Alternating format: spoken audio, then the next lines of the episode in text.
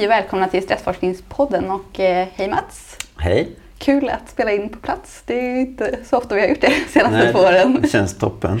Ja, och eh, dagens avsnitt ska handla om stress och magen kan man väl säga. Och eh, våra forskargäster i det här avsnittet är dels Anna Andreasson som är forskare här på Stressforskningsinstitutet. Välkommen Anna! Tack! Och sen så har vi också med oss Maria Laloni som är forskare på Karolinska institutet och också verksam som klinisk psykolog. Och det här avsnittet ska som sagt handla om, om stress och magen. Så att vi kommer prata om eh, till exempel det som kallas för IBS. Vi kommer nämna olika typer av, av problem som man kan få i magen, som magsår och dyspepsi. Vi kommer också prata om eh, stressforskningens relation till, till eh, magproblem kan man säga. Och sen kommer vi ta upp lite kulturexempel, allt vad det lider genom podden. Ehm, och eh, magbesvär, magbesvär och stress har ju haft en ganska lång och brokig gemensam historia. Och eh, den klassiska stressforskaren Hans Selje som vi har pratat om i tidigare avsnitt, han eh, observerade förändringar i mag-tarmsystemet hos försöksdjur som en del i vad han då uppfattade som en generaliserad stressrespons. Och ehm, Anna och Maria, stämmer det att att eh, när man får en stressrespons att det också påverkar mag-tarmsystemet och på vilket sätt? Ja, i allra, allra största grad. Det är ju, eh, mag-tarmkanalen är ju innerverad av bara parasymp både parasympatiska och eh, sympatiska nervsystemet. Så när det sympatiska nervsystemet aktiveras vid stress så påverkas eh, mag-tarmkanalen i, i, huvudsakligen i att den, den, stänger ner sin aktivitet. Att man får en minskad motorik och en minskad utsöndring av olika enzymer. Just det, och det är ju funktionellt, tänker vi, eller hur?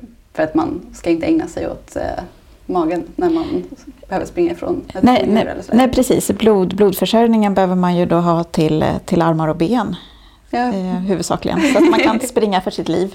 Eh, det är inte prioriterat helt enkelt att smälta mat i en stressfull situation. Stämmer det att, eh, att eh, det också kan vara en bidragande orsak till magsår? Robert Sapolsky som har skrivit den här fina boken Varför zebror inte får magsår skriver faktiskt själv om att zebror faktiskt får magsår i väldigt extrema situationer, till exempel när de flygs med helikopter från en djurpark till en annan. Så att eh, zebror får magsår vid extrema eh, situationer. Alltså, och då kanske man inte ska prata om en stressreaktion utan då är det ju mer skräck och mm. förmodligen en upplevelse av att döden är nära. Och det finns studier som visar att även hos människor vid till exempel jordbävningar där man förmodligen känner samma skräck, så finns det en, en ökad risk för, för magsår. Mm. Men eh, annars så säger jag nej till den här vanliga stressen som vi upplever i eh, vårt dagliga liv med att ja, man, vi, man har små barn och man eh, skyndar till, till förskolan och försöker ändå hinna göra det man ska på jobbet och så ska man hem och laga mat. Och, ja, eller att man har svåra nära relationer som också är väldigt stressfyllt ibland, eh, att, att det, det ger inte magsår. Däremot så kan man ju få ont i magen av det. Mm. Men jag måste fråga där, för att eh, när det gäller människor då har man ju pendlat fram och tillbaks mellan dels att tänka att magsår är orsakad av stress och sen så upptäcktes den här Helicobacter pylori, alltså den här lilla bakterien som, som man hittar hos folk som, som har eh, magsår. Är det på samma sätt hos zebrorna då, att de också måste ha en infektion och sen få en stressbelastning? Eh, Eller vet man det? Eh, nej, det här, alltså det, det här är magsår som orsakas av magsårsbakterien Helicobacter pylori är orelaterad eh, stress. Ja. Eh, så att det här att man får magsår när vid en jordbävning, det, det. Har, det, det är en det är att kroppen, den kraftiga stressreaktionen bryter samman kroppen. Och när man har en skräck eller stark stress utlöst eh, problematik då med magsår, vet man mekanismerna bakom detta? Ehm, jag, jag, känner inte till mekanismerna men jag tror att det är att eh, den kraftiga aktiveringen av det sympatiska nervsystemet gör att kroppen går in i någon slags chock och då, och då brister det på vissa ställen. Mm. Och det, är då, det finns då mindre stöd för att den infektionsutlösta magsårsproblematiken eh, påverkas av stress. Då. Den, är den okänslig för stress eller är stress en delfaktor Eh, var, vid var-? Eh, Jag har inte kunnat hitta något stöd för att den är stressutlöst. Nej. Så att har man Helicobacter pylori då får man magsår och Mm. det har liksom inte med stress att göra. Men däremot så är det ju eh, Ehm, Helicobacter pylori har ju en, det finns ju en socioekonomisk aspekt på den bakterien. Att den är vanligare hos personer som är trångbodda till exempel. Eh, och i Sverige så sjunker prevalensen av Helicobacter pylori väldigt kraftigt. Eh, vi gjorde en studie eh, där vi jämförde prevalensen av Helicobacter pylori i befolkningen 1989 jämfört med 2012. Eh, 1989 var prevalensen 38 procent och 2012 var prevalensen 16 procent. Eh, och då under individer som var, alltså i, hos individer yngre än 45 år var prevalensen 2012 6 procent. Så det här är um, Helicobacter pylori, magsårsbakterien, håller vi på att utrota i, i alla fall den svenska befolkningen. Och det beror ju på att eh, vi använder ganska mycket antibiotika. Och eh, man smittas som barn, ofta från sin mamma.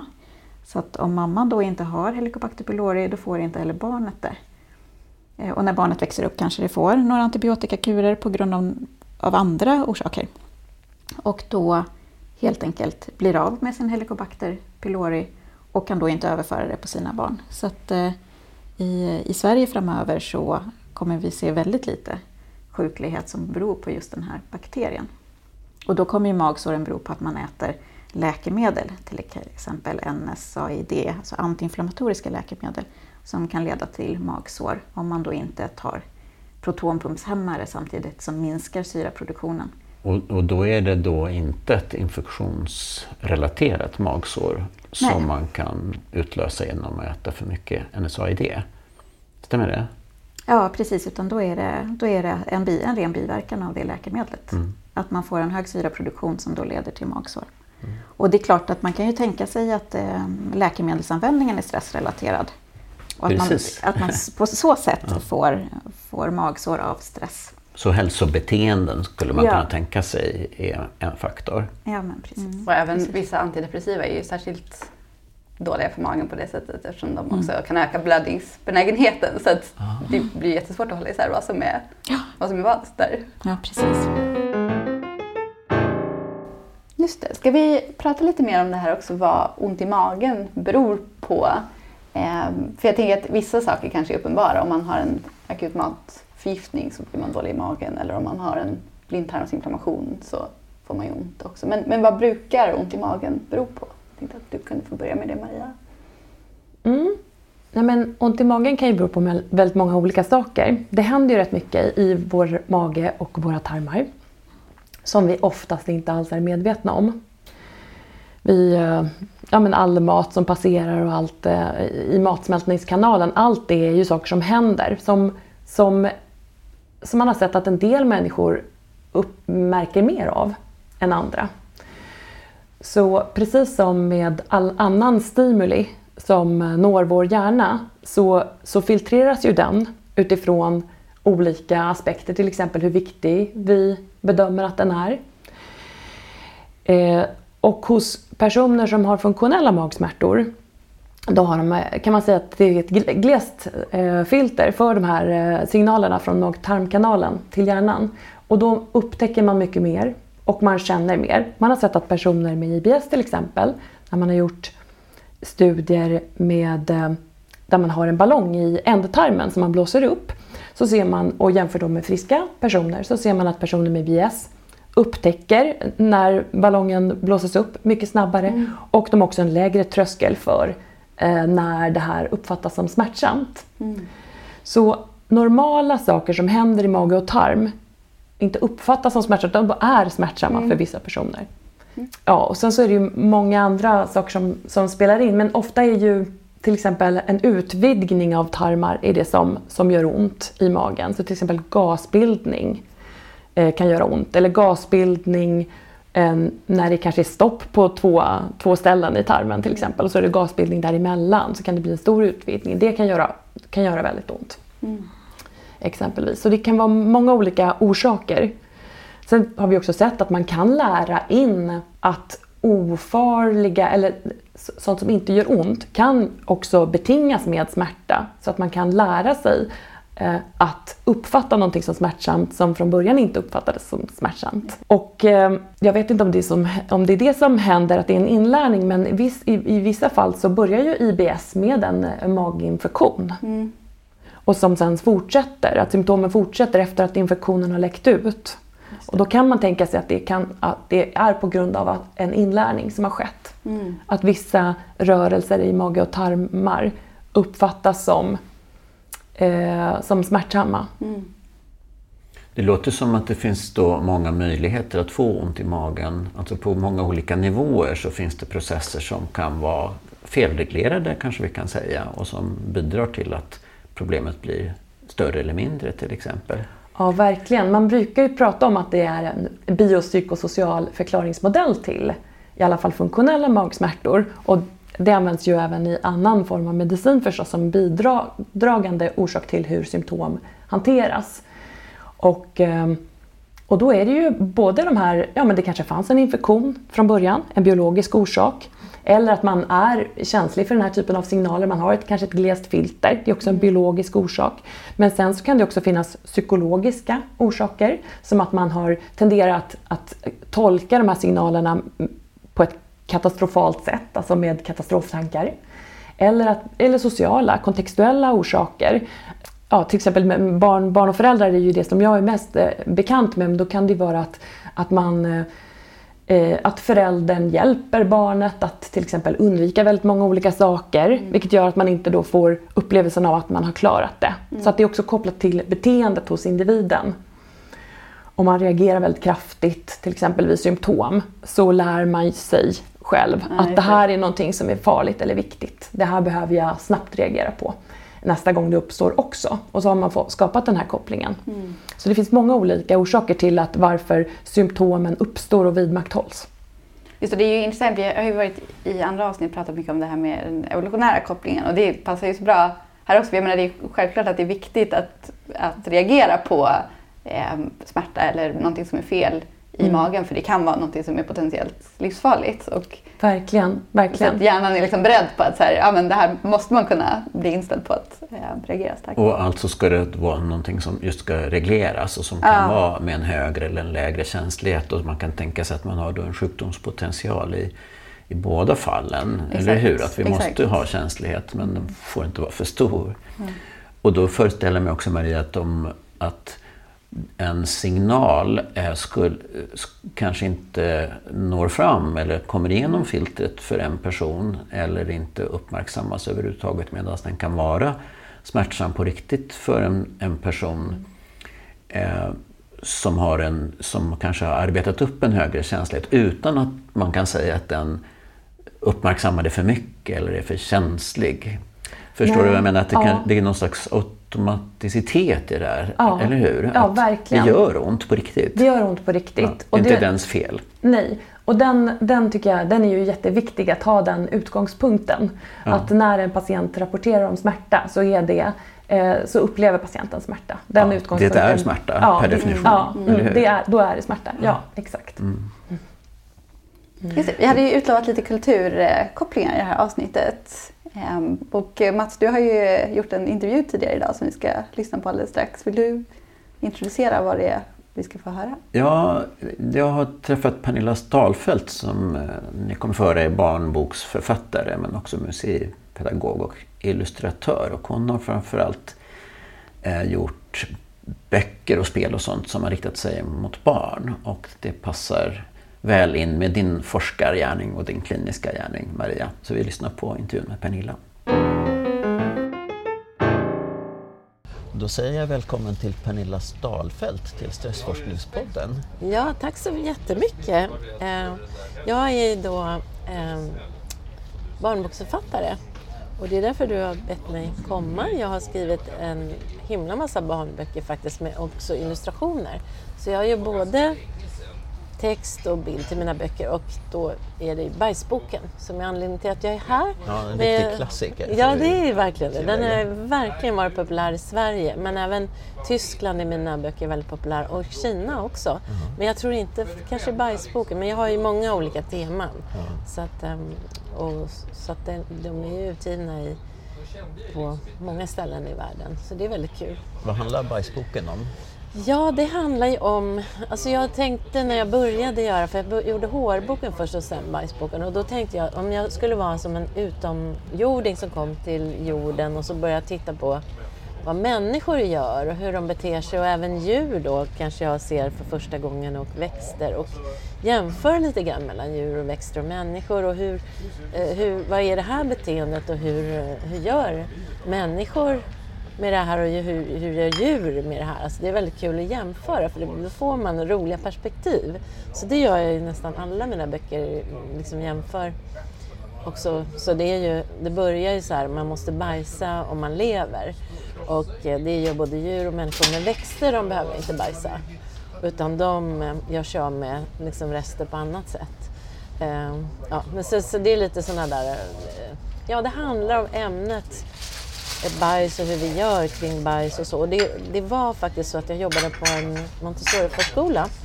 Och den byggde på så här pedagogiken att allting som barnen är intresserade av ska de få undersöka. Men jag såg liksom inget, det fanns hur mycket material som helst, det fanns ingenting om bajs.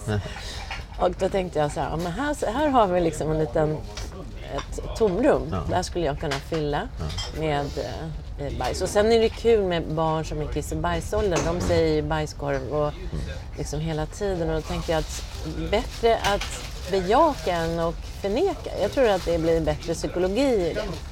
Och det har ju visat sig stämma också. För att ibland när bajsboken har varit slut, den har ju sålt i många hundratusen exemplar, så har folk varit helt desperata och ringt till förlaget och sagt när ska ni trycka om och jag måste få tag på ett ex. Och just i, vid potträning så har barn haft väldigt nytta av det och många barnpsykologer har också rekommenderat den. Ja. Därför att den handlar om det är precis det som barnet går igenom. Eh, och det är kanske då, ja det är ju två treåringar som, som eh, gör potträning och slutar med blöja och sådär. Eh, men även större barn och, och även vuxna har ju glädje och tycker det är liksom en spännande, rolig bok. Den har lockat fram många skratt. Ibland tänker Ja, jag så här, det kan jag intyga. ja, Det, det finns ett Föräldrar. exempel med en, ett, om att man vill, inte vill göra det öppet. Det finns ju något känsligt kring kiss och bajs Ja, som du precis. adresserar på något Ja. sätt. Har, det finns ett ställe i, din bok, har du lust att... Ja. För, du kanske kan läsa Jag de kan ta, raderna? ja, just det, det kan jag göra. Det är så här då. eh, För det handlar just om hur människor beter sig i relation till hundar. För först är det en hund då som går förbi en bajskorv och sniffar på den. Då vet han att en annan hund har varit där före honom. Så att de kan göra det mitt på trottoaren. Men människor, de bajsar nästan aldrig när någon ser. Men det här ska jag säga att det här är i Sverige. För att när man är i Indien, då kan man liksom titta ut genom fönstret så ser man någon sitter och bajsar lite längre bort. Alltså, ja det är väldigt fascinerande tycker jag. jag. Jag tycker det var liksom, oj, oj, oj. Liksom. Men i Sverige och i liksom västvärlden så, så går man undan. Och där har du en bild med eh, en man och en kvinna som sitter framför en TV. Ja, och så bakom en gardin står det en... ja, det så är det ett barn, en tonåring kanske, som har bajsat där bakom draperiet. och ser lite vederbörligt Ja, så tittar fram lite ut. grann sådär. En, en kollega till mig berättade att när de var i Maputo så, så hade de ingen dörr till toaletten. Så att man fick gå in på toaletten och liksom, det är jättesvårt för oss. Och liksom, det. Måste verkligen stänga dörren, sätta på vattnet och spruta liksom, så det inte hörs någonting och sådär. Precis. Fast, och, och samtidigt finns den där gamla svenska traditionen med utedass med flera dass i bredd. Ja, just Så det. Annorlunda mot Det ju- hur det är nu. Ja, precis. Det ju, måste ju vara väldigt trevligt att sitta sådär. Och, och så är det i Kina också. De har ju sådana rännor som man går in och då får man stå där och bajsa och andra kan titta och sådär. Det, är inte, det är inte alls lika skämmigt som det är här. Jag vet inte varför det är det här. Men Nej, och jag Det- tror det som vi ska prata om i det här avsnittet om podden så kan det ju bli väldigt känsligt också med den typen av problem man kan få eh, utöver själva magproblemet. Har man Ja. till exempel magsmärta eller eh, diarré eller så, så leder det till andra problem som mer har med hanteringen att göra. Ja. Och, och de kan man påverka i en psykologisk behandling. Så att det, det kanske är så att det skapar också problem det här med att det är så känsligt för oss, i, Ja. åtminstone i vårt samhälle. Jo, och det är ju samma jag har gjort Kissboken också, att det är lite för att avdramatisera. Man kan skratta, man kan liksom slappna av lite kring ämnet. Är ju väldigt naturligt. Och vi håller ju på med hästar också, de bajsar och pruttar hela tiden. Liksom. Så att man blir ju man blir så van med. Och sen med hä- man har häst och den står stilla i hagen hela dagen, då måste man eh, få, den måste få röra sig för då kommer magen igång och då kommer den liksom då pruttar den så bajsar den och då är den igång, liksom, matsmältningen. Det är jätteviktigt för en häst. Om den inte får röra sig så dör den. Och jag vet inte, det är säkert samma med människor, att man, man måste röra på sig, man måste liksom ut, man måste få igång. Eh, Det, det vet inte jag, men jag kan tänka mig att det kan vara så för människor också. Vi, kan, vi ska fråga våra experter i det här Mm. avsnittet. ja, det kan ni göra. Mm. Men då säger jag tack till dig Pernilla Stalfelt Mm, för ja. att du var med i Stressforskningspodden. Ja, tack så mycket för att jag fick vara med. Maria, hur brukar magproblem uppträda hos barn? Ja, det brukar ofta vara så att det antingen så har barn bara eh, ont i magen helt enkelt, alltså bara magsmärta. Men det är ofta i, också i kombination med andra symptom. Som till exempel i fallet med IBS då, att man har någon form av eh, tarmrubbning, diarré eller förstoppning. Eh, det kan också vara då det som vi var inne på tidigare, det här med dyspepsi. Att man har svårt att äta en, en, hel måltid eller att man väldigt snabbt blir mätt. Eh, illamående är också väldigt vanligt och också uppblåsthet. Men jag tänkte på det som Pernilla nämnde i intervjun. Det här med också att det kan vara eh, pinsamt med, eh, ma- med magsymptom. Till exempel gasbildning eller, ehm, eller det här med att det hörs kanske när man går på toaletten. Det är väldigt, väldigt vanligt hos den här gruppen som har tarmrubbningar, de som har IBS. Eh, och där tänker jag att Pernilla gör en jättestor gärning i liksom förebyggande syfte på populationsnivå med att försöka avstigmatisera det här. Ehm, Det här med att gå på toaletten och att bajsa. Att det inte behöver vara så eh, laddat förhoppningsvis. Och kan, det, kan den här skammen och problematiken kring det, kan det vidmakthålla problemet? Ja, det kan det ju, det kan det ju göra eftersom eh, in, eh, patienten då, eller personen då, blir mer och mer eh, fokuserad på magsymptomen. Eh, och det, det kallas ju för att man eh, är liksom vigilant gentemot magsymptomen, att man är väldigt uppmärksam på dem och, eh, och det och det kan ju göra att den här eh, onda cirkeln med att man snabbt gör någonting för att hantera magsymptomen och att man då blir mer och mer uppmärksam på dem, att det liksom bildas en ond cirkel. Så absolut så är det, är det viktigt. Man brukar ju säga att barn får ont i magen när de kanske egentligen inte vill göra en viss sak. Och tror du att det här kan vara så att man, då, att man har svårt att skilja en känsla från en annan? Att man faktiskt som barn upplever det som ont i magen när man inte vill göra en sak? Det kanske känns obehagligt eller har du någon tanke kring det? Alltså det är jättesvårt att svara på, för, för man vet ju egentligen inte det. Men eh, jag tycker inte att det finns någon anledning att tvivla till om ett barn säger att de har ont i magen. Um, uh, men däremot så är det ju så att smärta och även andra somatiska symptom beror på många olika, alltså påverkas av många olika saker. Hur vi tolkar den här smärtan, hur vi eh, eh, tror vi att den beror på en okänd sjukdom eller tror vi att det här är bara för att jag åt eh, extra mycket köttbullar? Eller eh, hur, hur mår vi den här dagen? Är vi glada? Är vi ledsna? Ehm, förväntar vi oss att de här symptomen ska fortsätta eller förväntar vi oss att de ska gå över av sig självt? Så det finns många olika saker som spelar in ehm, förstås när det gäller hur vi uppfattar våra symptom. Jag tänker att det här också påminner om begreppet magkänsla. Att, att känslan i kroppen som man kan erfara både när man ska kanske bestämma sig för någonting eller inför att göra någonting. det, det, är inte så specifikt men det kanske känns i kroppen och kanske också i magen. Mm. Eh, är liksom magen ett känslosystem som skickar information av värde till, till hjärnan så att säga för en människa för att hjälpa oss att fatta beslut eller så? Är det någonting som du vill tänka kring Anna?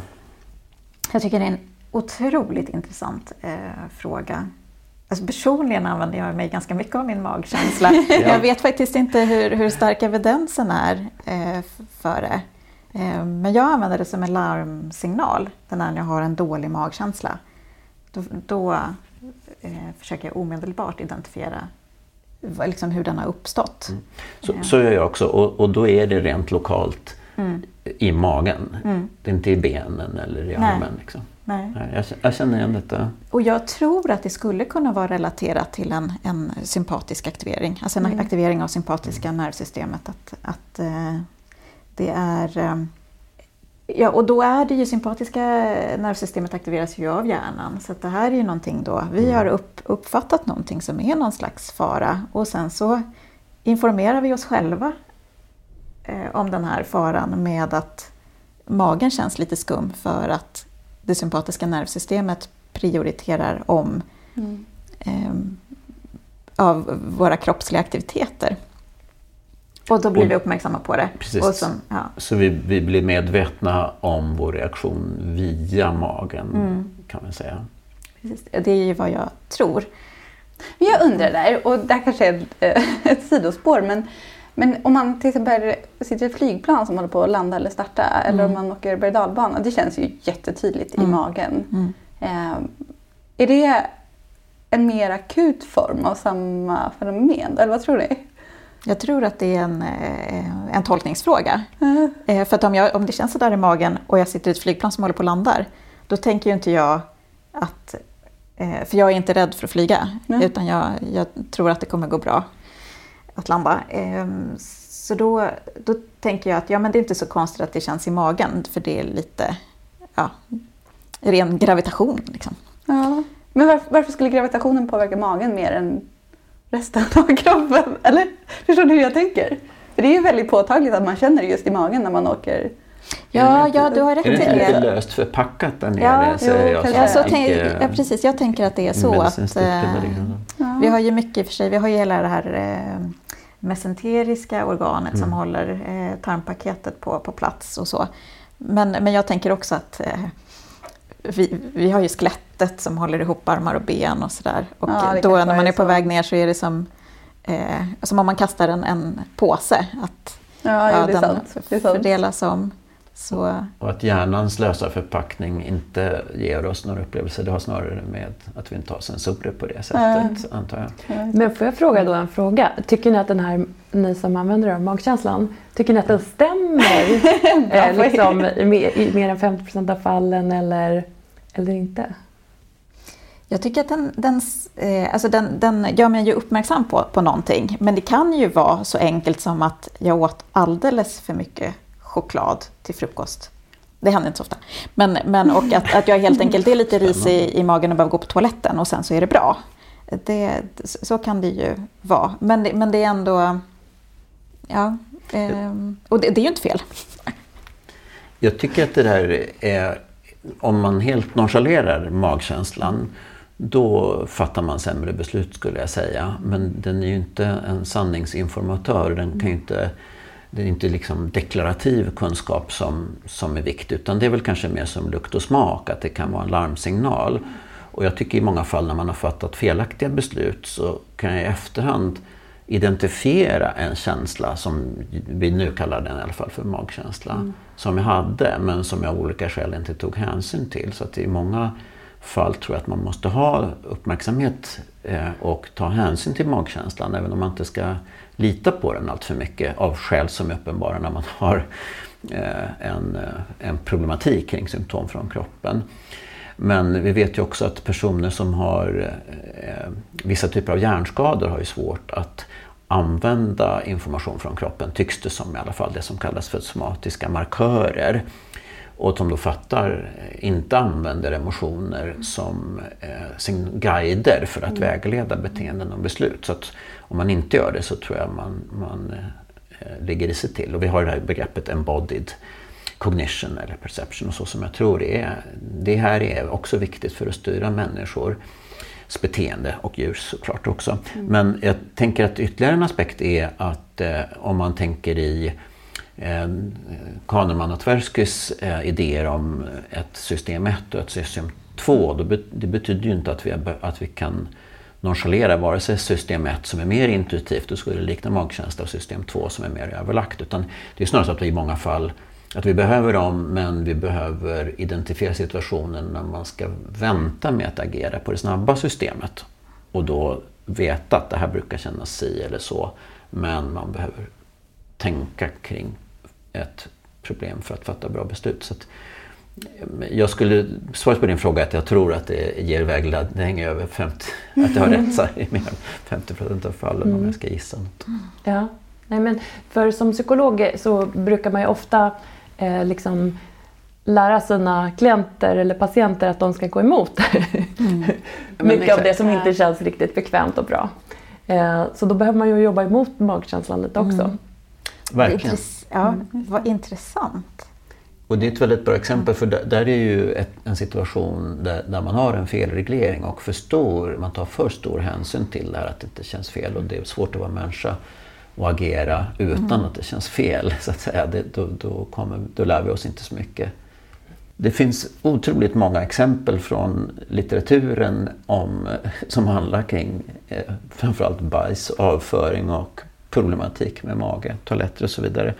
Och ett klassiskt exempel är Ingmar Bergmans beskrivningar av hur fixerad han var vid att ha toaletter tillgängliga och så vidare. Och jag tror att vi inte minst som musiker, Sandra, känner igen hur viktigt det är att det finns en toalett inom räckhåll. Och en loge utan en toalett är liksom ingen riktig loge.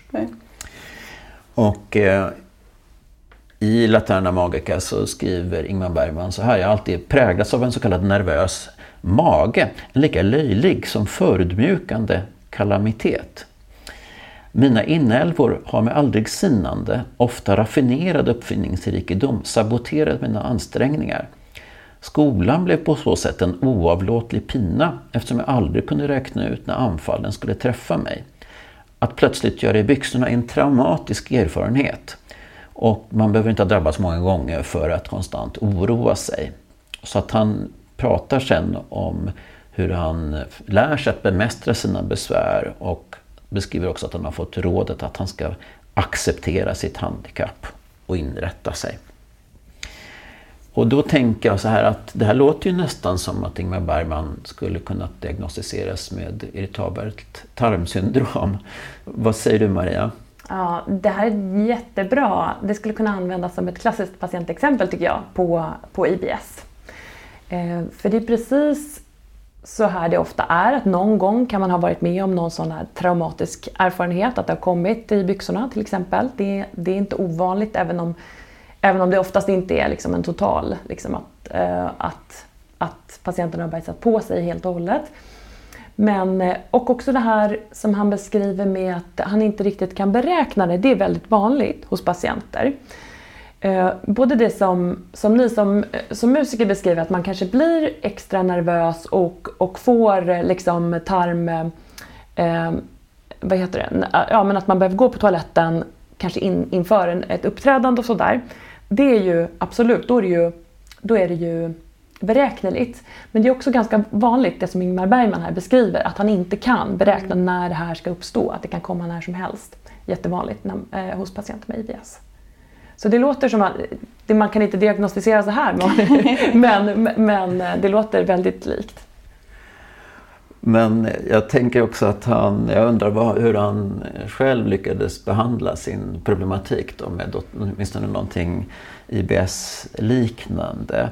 För jag tänker att han, ska, att han borde acceptera sitt handikapp. Acceptans, är det viktigt. Inrätta sig. Bemästra, det är ju ett ord för coping egentligen. Och jag tänker också då att, eh, att han ska kunna bedriva sina verksamheter utan allt för påtagliga störningar och att han utför då ritualer. Kan du reflektera kring det och sen får du gärna berätta hur, hur man behandlar, hur du, hur man Ja. eh, behandlar den här typen av problem nu för tiden. Ja, nej men Ingmar Bergman var ju, eh, var ju i många avseenden en väldigt välfungerande person yrkesmässigt. Så han lyckades ju utföra sitt yrke trots eh, att han hade både det här och, och kanske nå- även några andra svårigheter. Ehm, och det är, ju, det är ju väldigt bra för det finns ganska vanligt, det är ganska vanligt att, att personer med IBS också inte klarar av att, att ha en fungerande vardag. Så på så sätt är det bra att han har gjort de här anpassningarna. Men å andra sidan så kan det vara så också att han är fortfarande väldigt besvärad av sina symptom. Eh, Och då kan det vara så att han har gjort lite för mycket anpassningar. För i, i vår behandling så, så använder vi mycket ehm, att, man, att man får pröva att utmana sig mer. Eh, och det är en exponeringsbaserad behandling där man utsätter sig för sina symptom eller för risken att få sina symptom i olika situationer. Eh, och att man eh, eh, och då får patienten en erfarenhet av att den klarade av att ha symptomen. Ibland så kanske symptomen inte heller kom trots att man gjorde det som man trodde skulle ge symptom. Och man kan klara av att ha symptomen i många olika situationer. Så det är den viktigaste delen av den behandlingen. Och där har han väl då inte riktigt utan, eh, använt, använt det då. Utan han har mer anpassat och gjort det. eh, strategier för att kunna hantera sin vardag. Just det, det är väl i analogi med många tillstånd som man behandlar med psykologisk behandling. Att liksom, man kan på något sätt utifrån tycka att "Men det här verkar ju fungera bra men sen när man börjar gräva i det så visar det sig att eh, då har man liksom ett, ett särskilt rum där man gör vissa saker. Eller man har, man har liksom inrättat den där toaletten, inte bara i Ja. logen utan på fyra andra ställen i teatern också för att man ska vara beredd och då, då blir det ju på något sätt Ja, då inkräktar det på vardagen ganska mycket. Exakt, Mm. exakt. Och det vidmakthåller problemet. Ja. Mm. Precis. Hur effektiv är behandling av det här slaget? Ja, eh, jag är mest insatt i barnbehandlingen då, som, jag, som jag själv har, har utvecklat som, vi, som, vi, eh, som ju finns inom BUP internetbehandling nu. Och där har vi ju eh, i, i, de, eh, i den randomiserade kontrollerade prövningen så såg vi att eh, 60 procent ungefär blev kliniskt signifikant förbättrade av eh, behandlingen. Så, och nu när vi har den i reguljär vård och mäter på lite annat sätt så, har vi, så ser det ännu bättre ut faktiskt. Så att vi, har ganska, vi hjälper ganska många med den här behandlingen. Mm. Ehm, och sen är jag inte lika... eh, och, alltså, jag vet att det ser bra ut på vuxensidan också men jag har inte li, lika stor insyn i hur det ser ut där i reguljär vård. Hur små barn kan man behandla? Eller hur små barn har du behandlat? Ja, vi har valt att behandla barn som är från åtta år och uppåt och det är för att de då kan beskriva eh, var någonstans de har ont och hur, hur det gör ont och sådär. Jag skulle vara intresserad av att behandla yngre barn också men då, då tror jag att man mer, jobbar mer med föräldrarna skulle, Mm. jag, skulle jag tro. För föräldrarna är en väldigt viktig del även i vår behandling för barn. Ja, just det. Anna, du gör ju också forskning en hel del om eh, tarmproblem av olika slag. Kan du berätta lite om din forskning? Eh, Ja, ehm, jag är ju epidemiolog och inte kliniker så träffar inga patienter. eh, Utan jag undersöker ju personer i den allmänna befolkningen som har mag-tarmproblem men som då nödvändigtvis inte är patienter. Eh, så att eh, jag säger ju inte patienter med IBS utan jag säger individer med IBS i min forskning till exempel. Eh, och det jag kan berätta från de epidemiologiska studier som jag har varit med och arbetat i är att det är otroligt vanligt med symptom från mag-tarmkanalen i den allmänna befolkningen. Eh, så där så att det är mindre än hälften som är symptomfria. Sen är ju kriterierna för att få IBS ganska eh, hårda. Man ska ju ha buksmärta som är associerat med avförings, avföringsrubbningar och det ska vara ganska frekventa problem.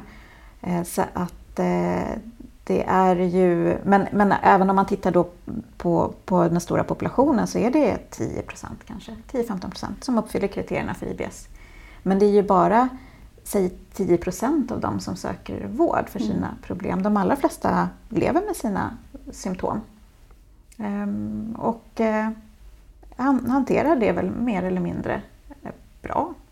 Så det är ju jätteintressant eh, vad som gör en person som har IBS, som uppfyller kriterierna för IBS, eh, vad, vad, som driver dem till att bli då en patient. Och det vet man egentligen alldeles för, för lite om. Men jag tänker att det här är kanske inne på det här med skambegreppet igen. Att det här är, lite, det här är någonting som försiggår i det tysta. Och då är det mm. många som då lär sig att mer eller mindre väl bemästra sina problem eller åtminstone utföra handlingar i vardagen med hjälp av vissa ritualer. För att, ja. om jag förstår det rätt så är det många som då har ett påtagligt lidande eller funktions, en funktionspåverkan så att säga av problemen. Eh, det som är intressant med IBS-diagnosen är ju att det, där, där tar man inte hänsyn till funktionspåverkan. Det gör man i andra mm. diagnoser, till exempel eh, refluxsjukdom. Då, då ska man ha symptom, eh, alltså ja. sura uppstötningar, eh, eh, halsbränna och det ska påverka ens livskvalitet. Men, eh, men det finns inte med i IBS-diagnosen. Eh, så att ehm, det kan ju vara så att man har lite ont i magen men man oroar sig inte över det. Man har sina avföringsrubbningar. Ehm, man har lärt sig eh, hur man, eh, ja, sätt som man tycker fungerar även om det kanske inte är ehm, så adaptiva förändringar man gör alla gånger. Men man, man, man vänjer sig och så är det som det är.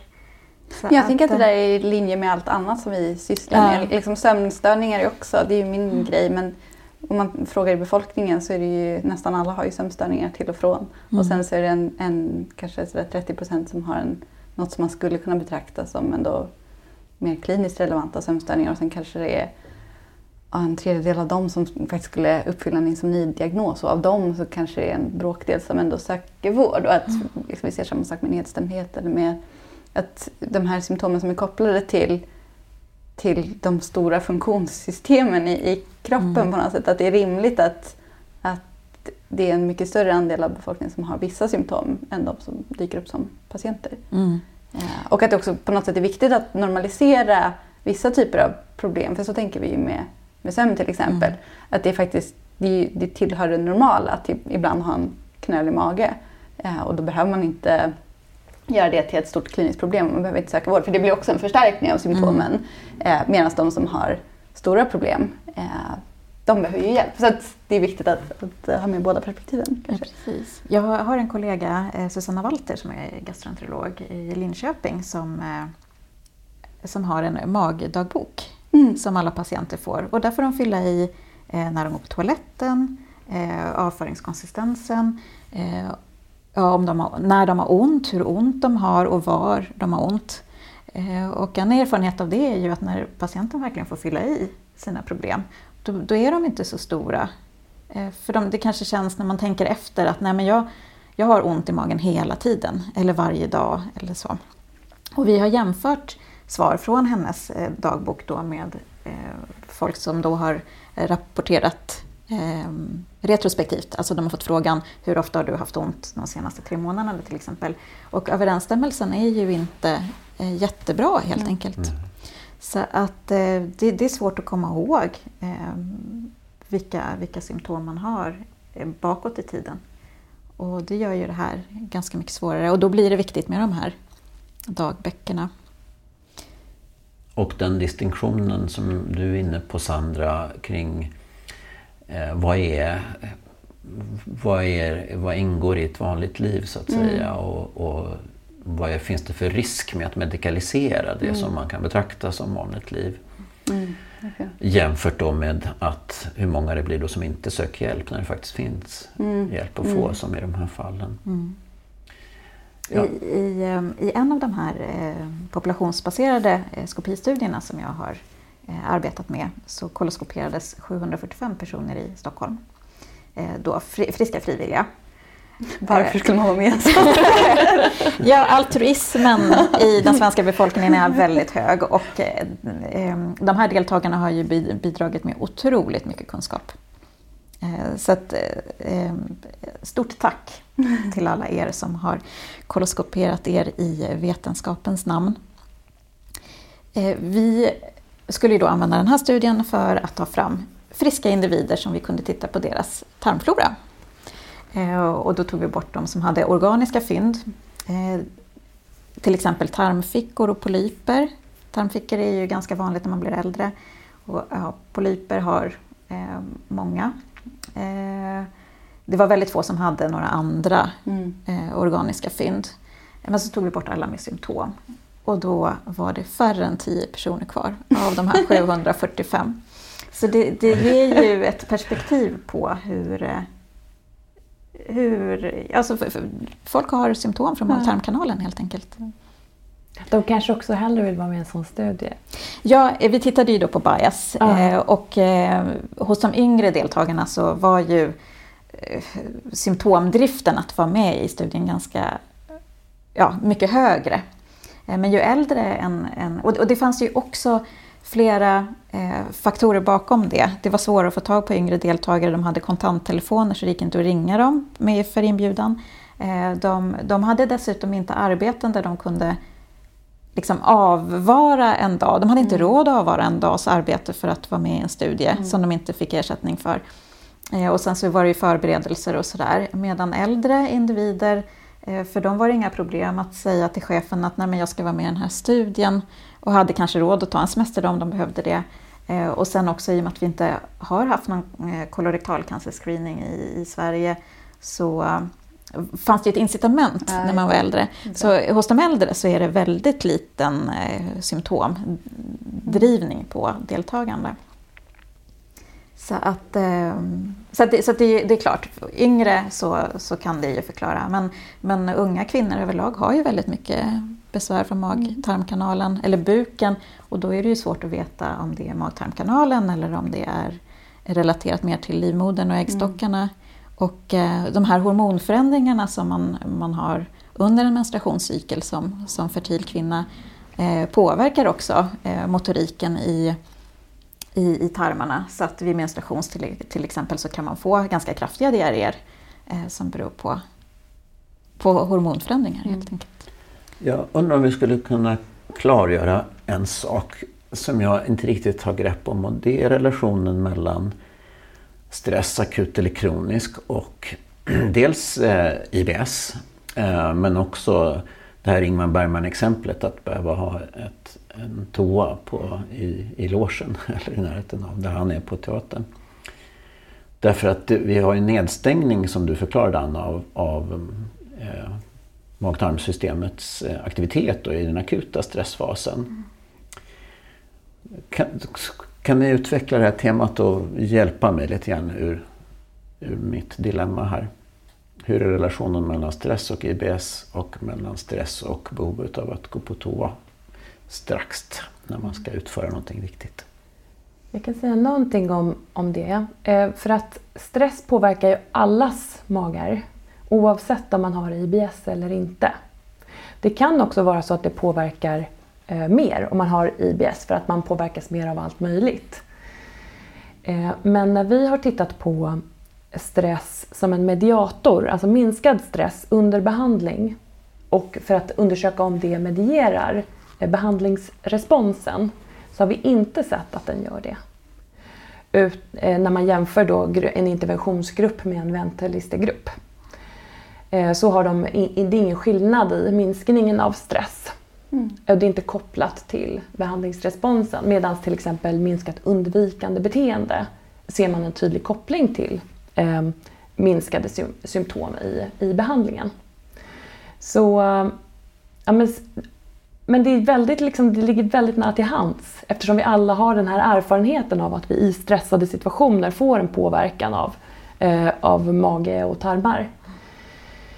Men, men det, ja, och ibland så är det så som, som eh, att, att, ja, men, att det, det är i stressade situationer som man får en påverkan eh, så, när man har IBS. Men det kan också vara så som Ingmar Bergman beskrev att det kan komma när som helst det är väldigt svårt att veta när det ska komma.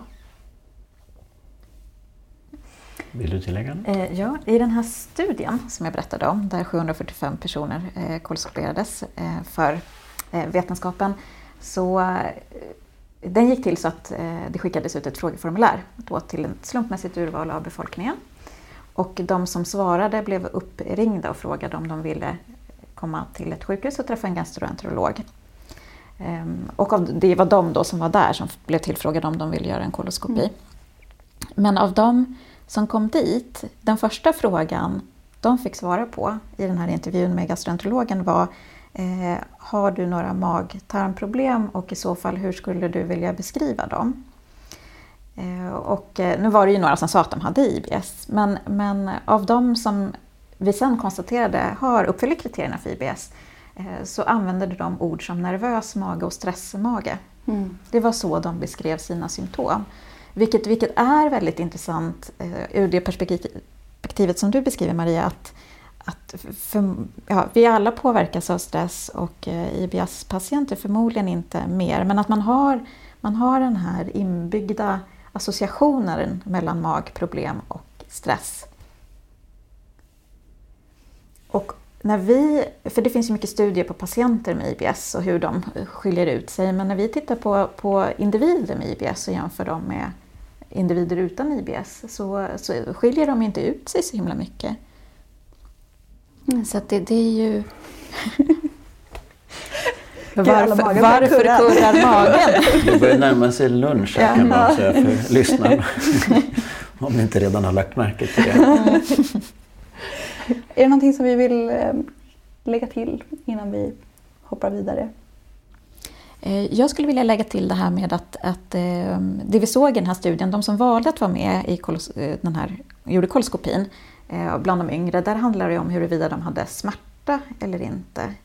Men, men buksmärta är sällan farligt. Så patienter med IBS de har inte en kortare livslängd än personer som inte har IBS till exempel. Och det tänker jag är viktigt att komma ihåg. Och, eh, när det gäller om huruvida man ska söka vård så är det klart, är man orolig för sina symptom så ska man ju söka hjälp. Men, men eh, det finns symptom som man kanske inte är orolig för. Eh, till exempel så såg vi att personer som hade diarré, eh, som inte hade buksmärta, de var i ganska liten utsträckning med i den här koloskopistudien. Mm. Och det är ett symptom som man ska ta på allvar. Mm. Eh, alltså det som man kallar då för tyst diarré, att man har diarré utan att man har buksmärta.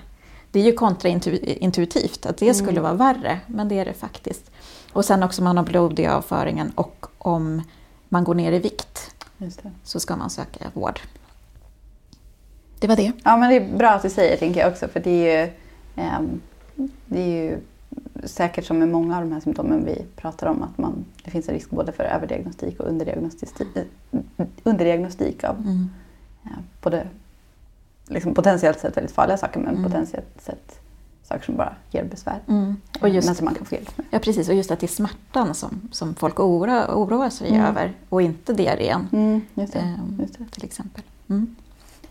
Bra. Jag tror att vi ska avsluta där. Eh, och innan vi gör det så skulle jag bara vilja tacka er, Maria och Anna, för att ni var med i podden idag.